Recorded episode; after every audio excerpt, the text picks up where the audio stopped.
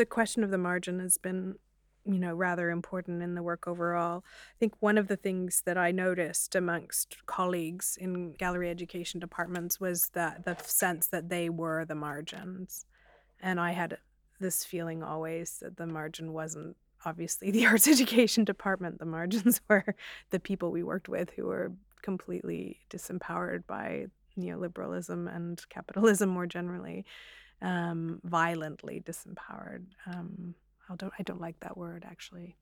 Violently oppressed, maybe, violently positioned in the margins of society. So, and I guess that's because, again, you know, I didn't come from an arts disciplinary framework where I, I felt that the work I was doing was marginalized by the discipline or something like that and so the margins for me were like much further away from the museum you know they were they were like the people who never even stepped a foot in the place.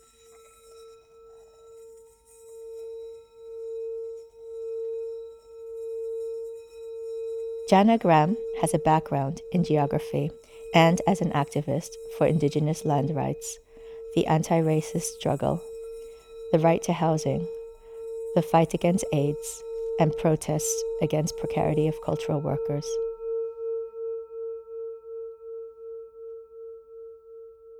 She soon ended up incorporating all these political struggles into the spaces of art, with a view to generating new ways to think about, activate, and share artistic and social practices. A central figure of the so called educational turn in curating, Janna takes a highly critical stance towards ways of imagining and planning emancipatory educational spaces in and from the art world. She also persists in pointing out the colonial distortions and tensions that are reproduced through the artistic and educational practices of museums.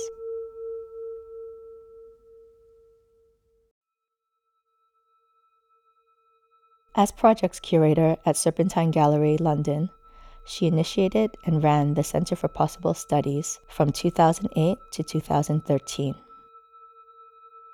A working space where artists, academics, and researchers joined Edgware Road neighborhood associations to tackle some of the social problems identified by local residents.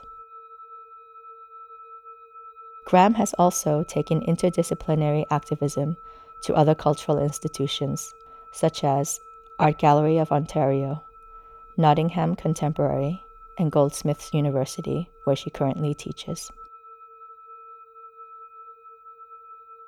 In this podcast, Janna Graham talks about critical and radical pedagogy, about the educational turn, and about how pedagogical practices interact with cultural practices and social struggles.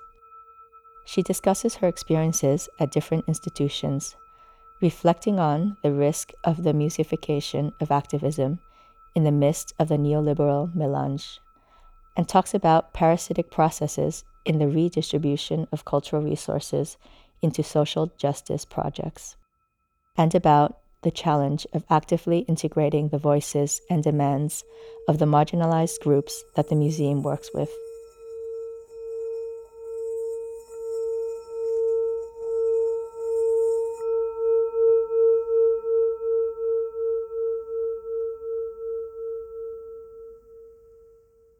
Thinking a little or reflecting on this educational turn. It's something that I have uh, I've thought about quite a bit and have been involved with also. So I'm very implicated in that turn because I've been a participant in the books and the conferences and many of the things in which it's been articulated. And um, the person who's credited with describing the educational turn. Irit Rogoff was my PhD supervisor and is also a friend. So, you know, so I have a critical relationship to it, but I'm also implicated in it. And I think it's important to say that. And I guess my position was also that I had already been an educator for some time before the educational turn. And someone, uh, I, my formation was in Canada and I wasn't trained in art originally. I was trained as a geographer.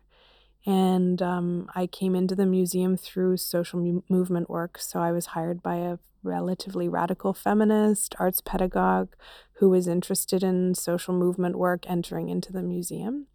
So I wasn't a pedagogist and I wasn't an artist in those days. I had used a lot of methods that come out of participatory arts in research as a geographer and in social movement work, but I wasn't of that. Um, and so that maybe I had a particular inflection around questions of pedagogy because I always felt slightly at odds with the people who were straightforward educationalists in the museum.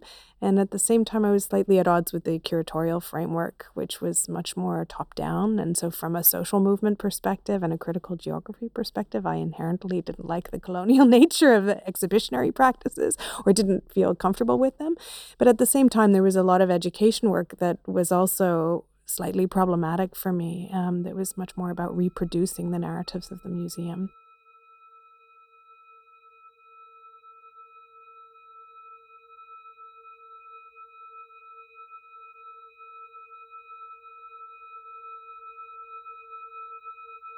I still remained within social movements and I was um, kind of continued on a trajectory while I was also learning about art and contemporary art and more radical participatory arts practices. I was also um, training in critical pedagogy at a social center, which is where I encountered all this Latin American Freire and the Sandinistas and all of these really interesting programs that came out of the literacy movements anyway, so that I'm telling you this as a background because I think when uh, you know when I was doing that work in museums, it was much more informed by social movement and radical pedagogy from those contexts, and uh, then that was confronting the museum. And and I worked in a big museum, you know, uh, the regional museum that was the most funded in in the province, and um, had a long history some very progressive histories around how it had worked with communities and also some more colonial ones. So it was a mixed place. Um, but I was given a lot of freedom because of the person who hired me to work in a critical or radical pedagogy framework.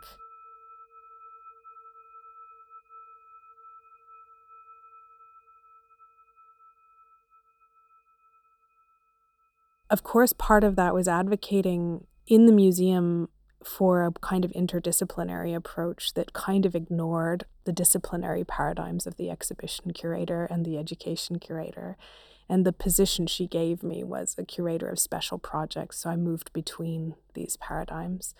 For me, the educational turn, I suppose, happened a lot earlier than it started to be coined in this contemporary art way, because in that museum, I was hired to move between these spaces. There was a very progressive contemporary art curator who was um, African Canadian, who also was coming from an anti racism perspective. And they hired the first Indigenous curator that the museum had ever had. And we were all the same generation. We were all informed by cultural studies and uh, critical analysis. I maybe had more social movement background than the other two, but we were politically aligned and we worked for a political art magazine together. And so together we were able to forge a relationship across education, curatorial, um, collection based kinds of paradigms in the museum. And that was maybe a few year experiment. And it was a small space in which we could do that because the museum was, um, I suppose, in between moving from a nationalist kind of context where it was a state museum into a much more neoliberal context where it was a tourist epicenter with a Frank Gehry redesign and all of these things that we see in the museums today. And so that educational turn for me was in that moment. Actually, it was, and that was maybe in 2000. 2002, 2003, late 90s into the early 2000s. When we were working together, the three of us, to develop approaches that worked, you know, where an exhibition might be created, but it had a very strong community dimension. It may have been instigated by community work that I was doing, more radical community work, and then that would inform a thematic, which would then end up in an exhibition, which would then end up in a series of programs, which would then end up in another exhibition, which would then, you know, we were, which would maybe then influence the hanging of the collection. We would say, okay, you know, one project I was very involved in was working against the police in the city who had decided to vilify young people of color in particular, but young people more generally who were involved in street culture. And they declared a kind of war on graffiti and a war on street art in the in the city. And I had been working for some years with young people around those issues and how we could use the museum as a space to mobilize around those issues. So we did a series of events, but the young people were getting arrested. And so I was going to court um, as a character witness or talking about why what they were doing was art. And we staged kind of installations which would support that. And we would bring their teachers and parents and sometimes even the police to look at these exhibitions and talk about the history of street art and and um, also bring up the issues around race. And then, so, you know, there was a, a conversation always going on between myself and these other curators, um, which was really defying these lines of the disciplines in the museum. And um, we were all, each of us taken aside by our respective disciplinary, you know, colleagues to tell us about how we were sort of betraying our field or you know the the curate the exhibition curators were told oh you shouldn't really be doing your work around these communities because that's going to make your work look kind of like less prestigious and exciting. And they would talk to me in education and say oh the exhibition curators they're top down. They don't understand the public. You shouldn't be working with them. So it was like a very interesting disruptive kind of moment of these frameworks. Uh, and we thought it was quite funny all of us because we were sort of looking and thinking okay what are what are these things that are being upheld with such strength and such desire? So that was like maybe the educational turn for me. And that was before it got named and circulated in the contemporary art world. But at that same moment in Toronto, there were a number of artists who were having a more a turn to much more participatory and pedagogical work. And again, in the contemporary art field was another space where we had to navigate this and have these discussions. And people would, I would be on panels, and people would say, you know, education work is didactic, you know, it has nothing to do with artistic practice. You know, there were all these discussions. And so, you know, on all fronts, you could see that this was like kind of a provocation, these things coming together on a certain level. And then a little bit later, you know, in Canada, I know a little bit later, that became much smoother. You know, when the educational turn was named, then it sort of could fit into a almost like a market paradigm. You know, like it had it had a name in the field, um, and could be then claimed back into almost art history or to the curatorial, the exhibition curatorial framework. Uh, and for me, that was kind of interesting to watch. and we've all maintained a certain degree, I suppose, of skepticism throughout that process because you know, I've seen the art market be excited about many things in my time by now, you know, democracy and assemblies and various uh, anti globalization movements and various things, and they kind of come and go. Um, and so we all kind of thought, well, this is a great moment for us. We'll leverage the work that we've been doing and we'll probably get more resources out of the institutions we work in to do this work. And we can push a lot harder with this kind of cover of the educational turn. But I also have remained somewhat skeptical of, you know, of organizations, including the ones I've worked with, about the degree of their commitment to educational practices and processes. So when, uh, when you know, the educational turn was named as such, I felt a number of us already had an agenda within that. It wasn't something, it wasn't where we had an awakening about education. It was really like, okay, how are we going to, you know, what are we going to push for in uh, with this kind of excitement around education? And so um, over the last number of years, I've been just trying to clarify that with, with other people. Some people in Spain, in fact, Aida Sanchez, Javier Rodrigo, uh, other people in the Spanish context have been very involved in these questions around emancipatory pedagogy in the arts for many years. And then I suppose, like, um, somehow also this allowed us to not only push forward different agendas in our own institutions, like, for example, when I worked at the Serpentine, you know, we negotiated a project that was meant to be a couple of years, that was sort of meant to be a residency program in a neighborhood with Middle Eastern artists because they were interested in the market of the Middle East and the educational turn as a sexy kind of framework. But we were able to negotiate that into a seven year committed process in a neighborhood where significant resources were sort of distributed to different people around different issues and that in some ways was only possible because we had this cover of the educational turn. But then at the same time there's the conferences and that everybody's doing education and it's all emancipatory but sometimes it looks a lot like regular education. It's very top down. It's in lecture theaters. It's you know um, not only in terms of format but also in terms of commitment. I mean emancipatory education work takes years and years and years of commitment And most institutions are not prepared to engage in that level of um, commitment.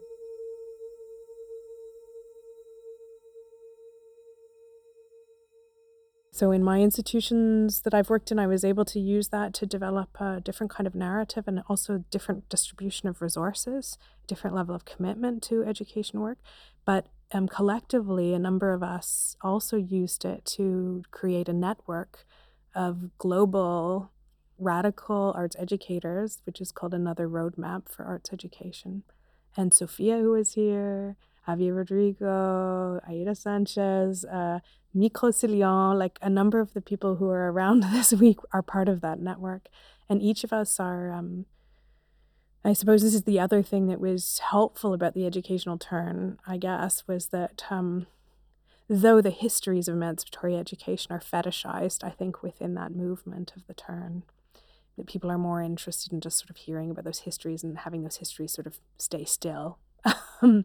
that we've also been able to mobilize this, this network, which works with those archives of emancipatory education, but really puts them in the present and sort of tries to negotiate what they mean for us today, what we can learn from their successes, their failures, um, why they've been forgotten in arts education in many contexts. And so that network has people from 22 countries, um, uh, not equally distributed around the world, but with a significant number of, of participants in the global south. Um, in different countries in Africa, in Latin and South America, or Central and South America. So that's meant we've also been able to use the kind of sexiness, I suppose, of the turn um, to acquire funding to be able to sort of get together with people and start to analyze. Um, analyze both uh, histories of radical education, but also like some of the problems of arts education in galleries and museums more generally. We wouldn't necessarily just define ourselves as the educators from museums who are feel very comfortable with those histories. Um, what radical kind of arts education in galleries means is a sort of also a, a, critique of, of the discipline, which is one has to be quite careful about because they're very marginalized departments. Um, they're often the first ones to be cut even though they're the first ones to be talked about publicly as being why the museum exists and its public mandate, they're also the first ones to lose their budgets. Um, they're and the ones who are sort of you know, it's thought that you can do education work very cheaply as opposed to exhibitions, which need a lot of resources. And, you know, this, there's still those hierarchies. So it's fragile work to critique our discipline because of its historical marginalization but at the same time it's very necessary because that marginalization has actually legitimized a lot of practices that many of us disagree with which are kind of neo-colonial or adopt a charity position in relation to communities which is very different from what emancipatory education or radical education kind of proposes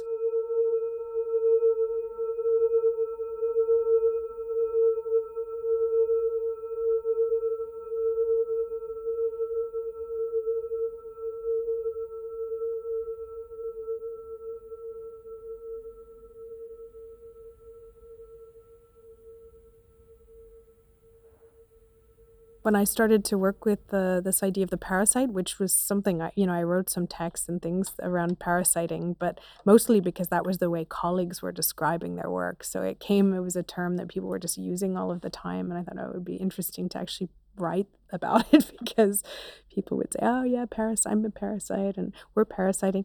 When I started to write about the parasite, not as the arts educators in galleries as being parasites, but as the the communities they were working with as sort of facilitating a parasitic process on behalf or in conjunction with communities who, at that moment, really were looking for spaces or funding sources that were not completely overwritten by, on the one hand, the kind of social services and so service delivery framework, and on the other hand, weren't totally autonomous because they couldn't like function in that in that way and in, in uh, without any funding at all.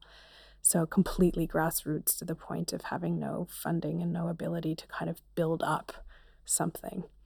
I mean, the groups we were working with at the Center for Possible Studies, which was the space that maybe most animated the idea of the parasite because it was literally a separate space from the Serpentine Gallery. It was in the neighborhood. We were literally drawing resources through the Serpentine to fund the activity there. And we felt a degree of like a kind of semi autonomy from the everyday operations, not from the Serpentine per se, but from the everyday ways of working there. The way we worked at the center was very different, and we didn't have very much of a presence of any of the institutional directors, or they very infrequently came to our space because it was kind of dirty and, you know, looked a bit like a squat. And, um, you know, wasn't like in their realm of activity, everyday activity and we were like parasiting a number of different agents in that neighborhood. You know, we were parasiting the serpentine, but we were also parasiting um, some of the local real estate de- developers. There was a lot of discomfort, but the parasitic activity was like directly about supporting people in the neighborhood who were being um, dispossessed of either migration rights or the right to be in the neighborhood, either as tenants or as um, uh, workers or as people who are owning business, small businesses. So the so that the idea that of drawing resources to support something else, and it was kind of necessary in that moment to think about the arts as spaces where you could do that work because there was a, a little bit more of a freedom of articulation in that moment, like where, for example, a group that we worked with who really helped me to think through what this parasite thing meant was um, a group called Crosstalk, who are um, a self organized sex worker rights group who do free language classes by and for migrant sex workers in that neighborhood and in other neighborhoods in London. They had worked for many years being funded through um, more like public health. They had kind of occupied, they had been in a sexual health clinic. And um, were sort of tired of being stigmatized in relation to health issues, you know, and wanted a little bit more freedom to articulate an identity, a set of research practices and community practices that were not beholden to the public health agenda, which is a service delivery agenda, but which also um, pr- understands the sex worker body as an unhealthy one, you know, and, and so much is related to the body.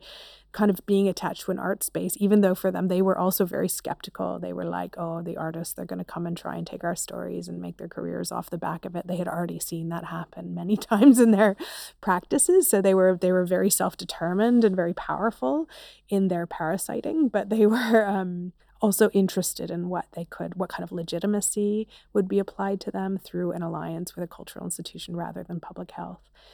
Other groups were, you know, interested in like space. They were interested in the fact that we might be able to leverage conversations with people in positions of power in, in ways that they couldn't on their own.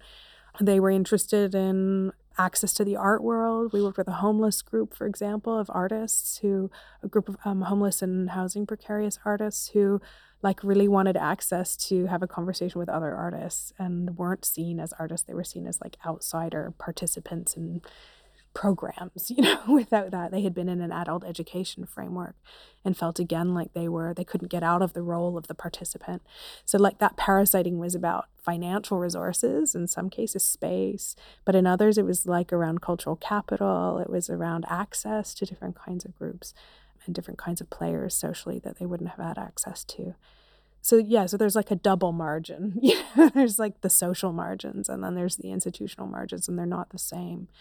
And uh, I sometimes get frustrated when the kind of discussion around marginalization in galleries and museums ends just with the education department. You know, and I think that that kind of notion of self marginalization or being marginalized by the institution can often um, be a cover for a lot of practices that are reproducing those practices of marginalization within communities. So so the parasite was to sort of say there's a more powerful set of agencies for communities that we work with in terms of how they use the museums and the galleries that they have desires and interests and that we're, we we sometimes can play more of a mediation role and like other people were having that conversation also like Marcelo Expósito, you know, in the MACBA and what was happening with the anti-gentrification work many, I don't even know how many years ago, that was 10 years ago or more. He and I had conversations in that those periods about okay what is it to play this role as an intermediary who's negotiating resources for social movements and uh,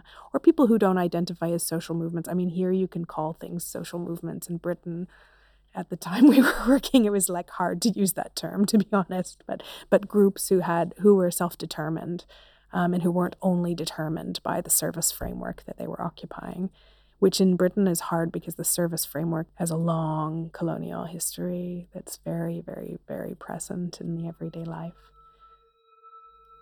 But of course, like the margins, yeah, of course, the margins also produce a cover and the there are less demands. I mean, when I see my colleagues who work in exhibitions and they have to turn over new thematics every six weeks, six to eight weeks, and the kind of um, pace and the the fact that they ab- they you know logistically cannot follow through on anything. So even if they made a nice relationship through one exhibition that has to be completely cancelled out in the next one and that they actually have no lived capacity to like continue on. I mean i think that is a form of oppression actually. I mean i would find that to be the most alienating process imaginable. Um, so I think there's like different, you know, multiple and different ways in which this marginalization is taking place. If you're someone who cares about social justice, having to produce different thematics every six to eight weeks is a form of marginalization and oppression. so you know, so and and there are people in curatorial and exhibition curating who feel that sense, you know, who are desperately trying to also get out of that paradigm.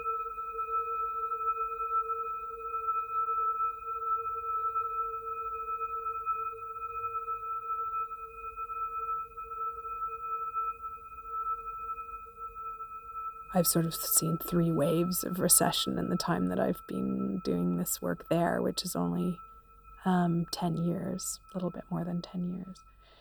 And yeah, in the first wave, you know, when we first started, for example, the Edgware Road Project or the Center for Possible Studies, we were um, working with groups who were occupying, they may have decided to leave a social services framework because they were unhappy with the kind of way in which that was enacting itself, but there still was a social services framework.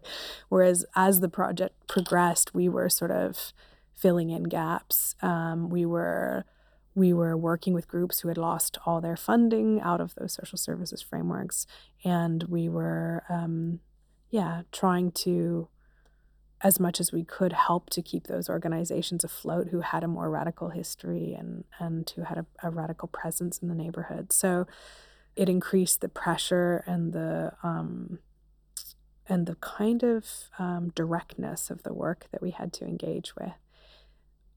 Obviously, um, there just weren't enough resources in the arts. I mean, the arts can't fill in those gaps because there aren't any real resources still in, in the arts, and uh, and that sort of filtering through, in most cases, means that you take something that was like ongoing funding, infrastructure funding, and it becomes project based funding and it lasts for six weeks and and increasingly as the recession sort of really took hold and also in the UK the Conservative Party came into power, which was a huge shift in terms of policy around social services. This also meant that uh, the kind of money that even we would get as cultural institutions to work with communities was much more instrumentalized and directed. So this the local municipal government who ended up completely defunding us because we could not we couldn't even lie, you know, to, in a way that would make, meet their targets, which we had always done under the other paradigms. You not lie exactly, but you know, but under the Tories, they started to really suggest that a project would have to like solve the social problems, and you would have to be able to prove the way your six-week workshop like dealt with the problem of Parkinson's disease or something. And I remember going to these workshops uh, with foundations who were telling us how we needed to narrate this way in which our five workshops would cure this or that disease or and it was very or get uh, people back into employment or make sure young people didn't commit crime or you know it was all this kind of framework and uh, that became very difficult. It was near impossible to meet those. So it meant we were defunded because we couldn't like meet those kinds of narratives or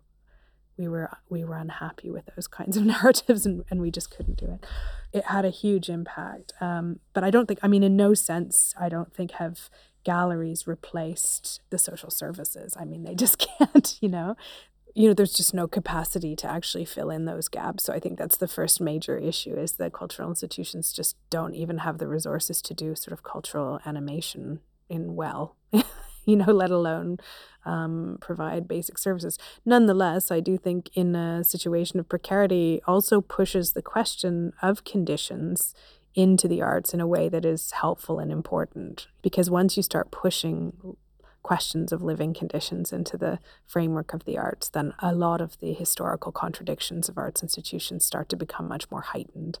And also as those as those kind of questions of life conditions come from communities they also reflect upon the life conditions of the workers in the institutions and can start to create new solidarities between kind of communities and arts workers which is what happened to us at the serpentine was that we precarious workers in the arts precarious community members started to work together even though our, the forms of precarity were different and the conditions were very different. There were similar processes of neoliberalization that were that were pushing us into more of a closer proximity and that we could have relationships of solidarity rather than of service delivery and that that was that was uh, important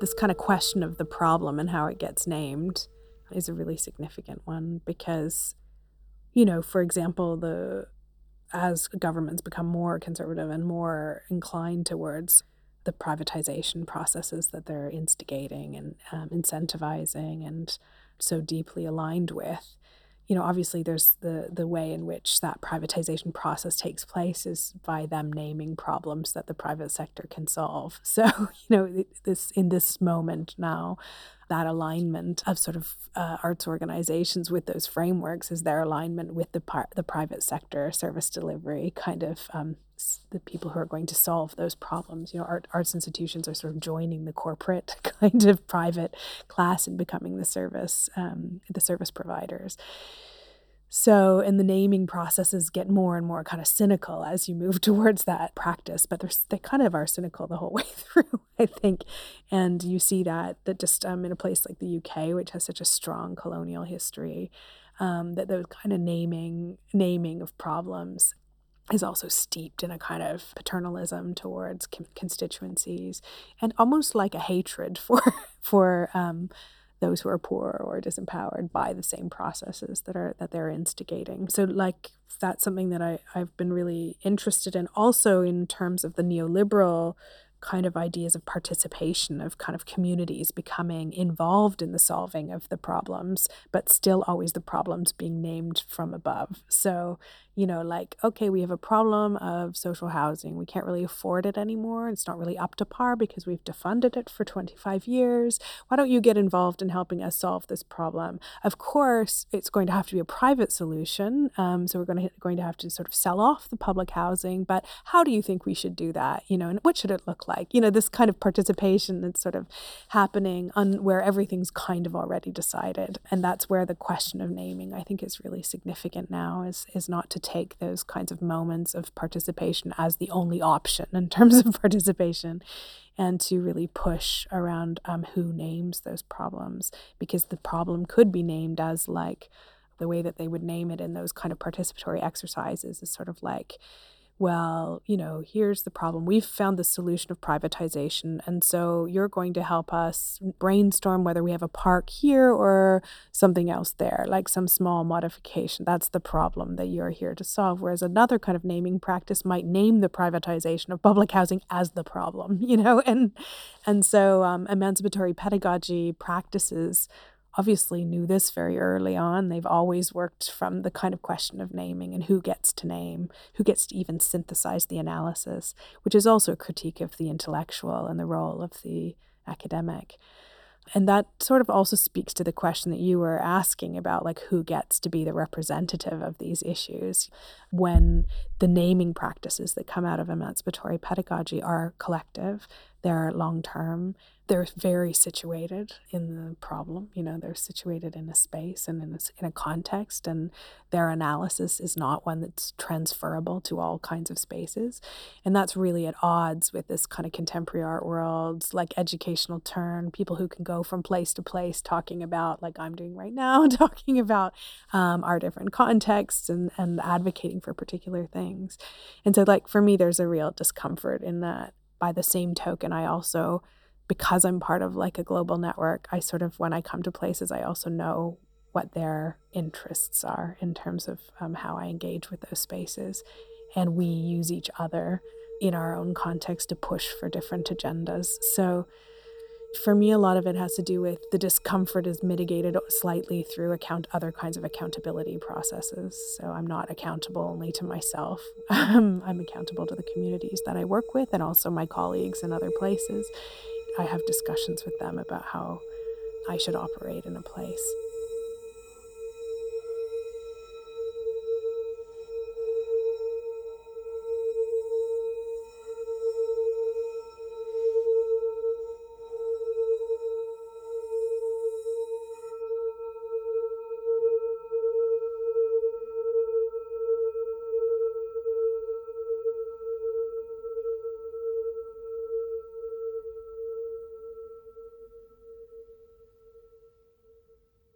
So, you know, in with the radical education forum, we made this distinction between radical education and critical education or critical pedagogy, and um, basically said that we couldn't really define what the radical meant, but we meant we wanted to mark a difference between this neoliberalized kind of form of education and a kind of education that basically is trying to produce a more democratic and a more um, horizontal way of understanding education that would break from the neoliberal paradigm.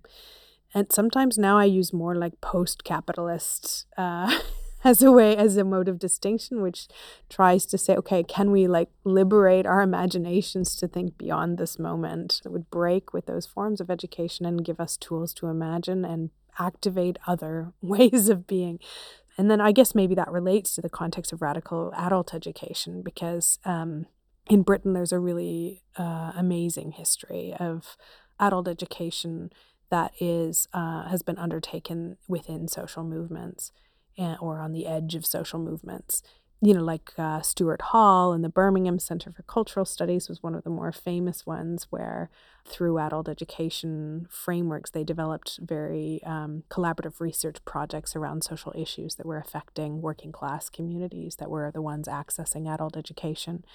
And uh, in Nottingham, where I was working, the history of um, there's an organization called the Worker Education Association, which at times was uh, worked really closely with um, trade unions and where workers in the mines, for example, would come out and then do adult education courses, which had um, a very strong Marxist or socialist kind of agenda and enabled workers to analyze their own conditions, basically. And even more historically, the adult education kind of landscape in Britain, like around the um, early 19th, uh, 20th century, there were kind of three main areas of adult education um, and a kind of struggle between them.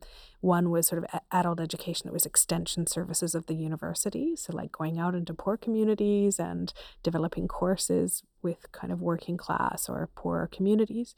There were the trade unions who were developing their own worker education programs, which the Worker Education Association came out of, which again were training, you know, like basic kind of skills reading and writing and those kinds of things, but also politicization towards worker movements and worker struggles. And there was a third kind that was run by workers themselves, which were um, very grassroots, self organized education circles that were less to do with the kind of institutions who were um, trying to educate them and more about like what do we want to read, what do we want to learn, and how how do we disseminate you know our our um, what we've learned to other people who are in our in our same condition. That was one of the histories of the radical education workbook that we were working with was that particular conjunction. We thought that was very interesting in terms of the present, you know, and, and where you do you place the radical in that conjunction. You know, there's all these university academics who are like out, not necessarily trying to educate working class communities, but definitely trying to research them.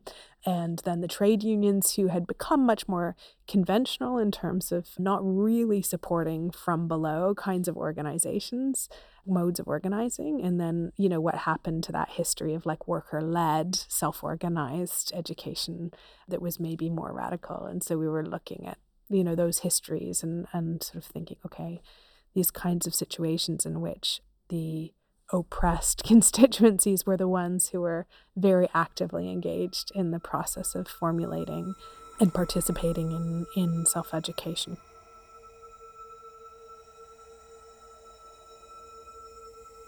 So we used the infrastructure of the arts and we used its capacity to bring teachers together and then produced a workbook that could be used very practically by those teachers who were involved in the process.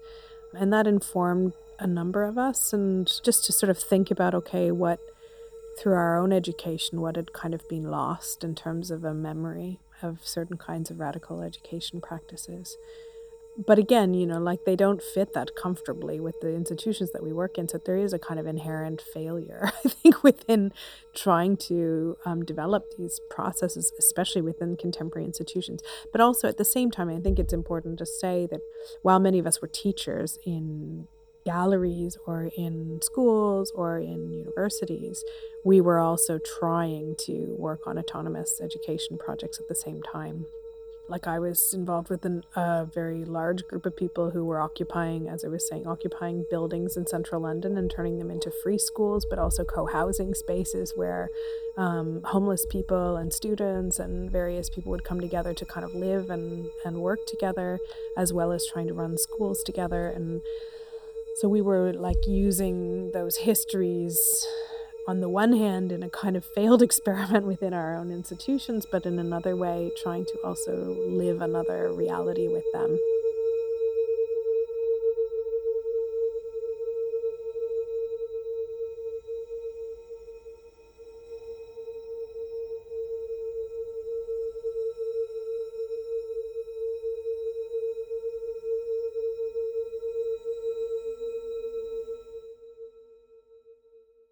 One of the things that's nice about the histories that we are looking at, particularly something like pedagogy of the oppressed, is it doesn't say do away with those power relations completely. It sort of says the, the power relations and the problems are the place that you start, you know, like exposing them, the limits, the contradictions. That's the basis for emancipatory pedagogy. Other kinds of practices are more like get rid of the teacher but Freire would say, well, if you get rid of the teacher, you get rid of the symbol of power in the room. And if you get rid of that, then you can't actually deal with the power. You know, then it kind of just becomes invisible around the edges, which is what feminist movements also said. Like, you can get rid of the teacher, but the organization of power is still there. So, um, unless you confront it and unless you kind of somehow also become disillusioned with it, you can't change it. So, you have to name it and you have to to then there's a process of naming it in order to fight it but then on the other hand you have the kind of mass disillusionment you know the kind of um, you know the systemic issues that are so much bigger that make it quite difficult to sort of think through how how to take action and that's like a lot of the time in the groups that I've been that I've worked with the naming process is something that we can do quite easily within the emancipatory education framework. It takes a long time, but we can do it. The moving into action around those issues is less clear, and there there's more kind of failure involved. One thing that I think around this kind of question of failure, though, is um, is that uh, sometimes that gets really fetishized also in this educational turn. You hear a lot of people talking about, oh, we have to embrace failure and failure. And, and uh, failure within social movements is actually quite devastating. You know, it's also mobilizing, but it's like it, um, you know, failure can be really upsetting also.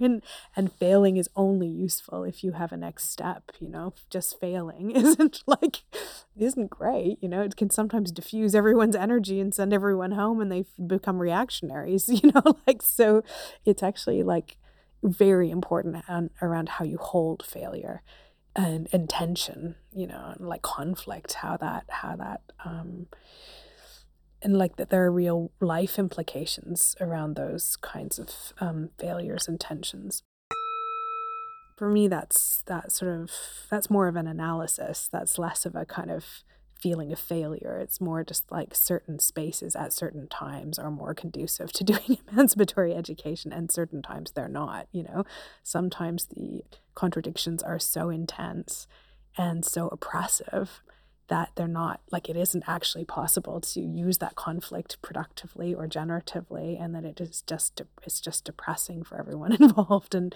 so for me that kind of pessimism isn't about like that means emancipatory education isn't possible. It just means it's not possible in that particular space in that moment um, and that you maybe would need to do either more work to make it possible or exit the situation.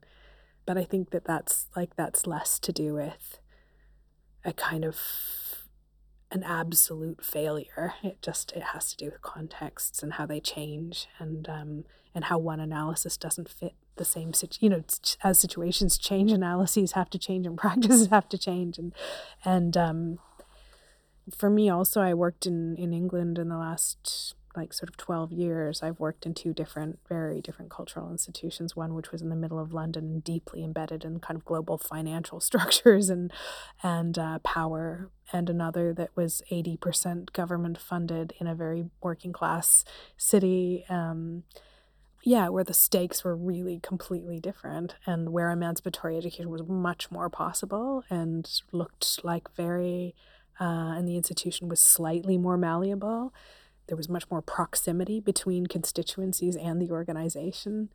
And so the analysis isn't the same. So the, so you don't carry this the pessimism everywhere. You sort of say okay i'm feeling very pessimistic about that space but not this one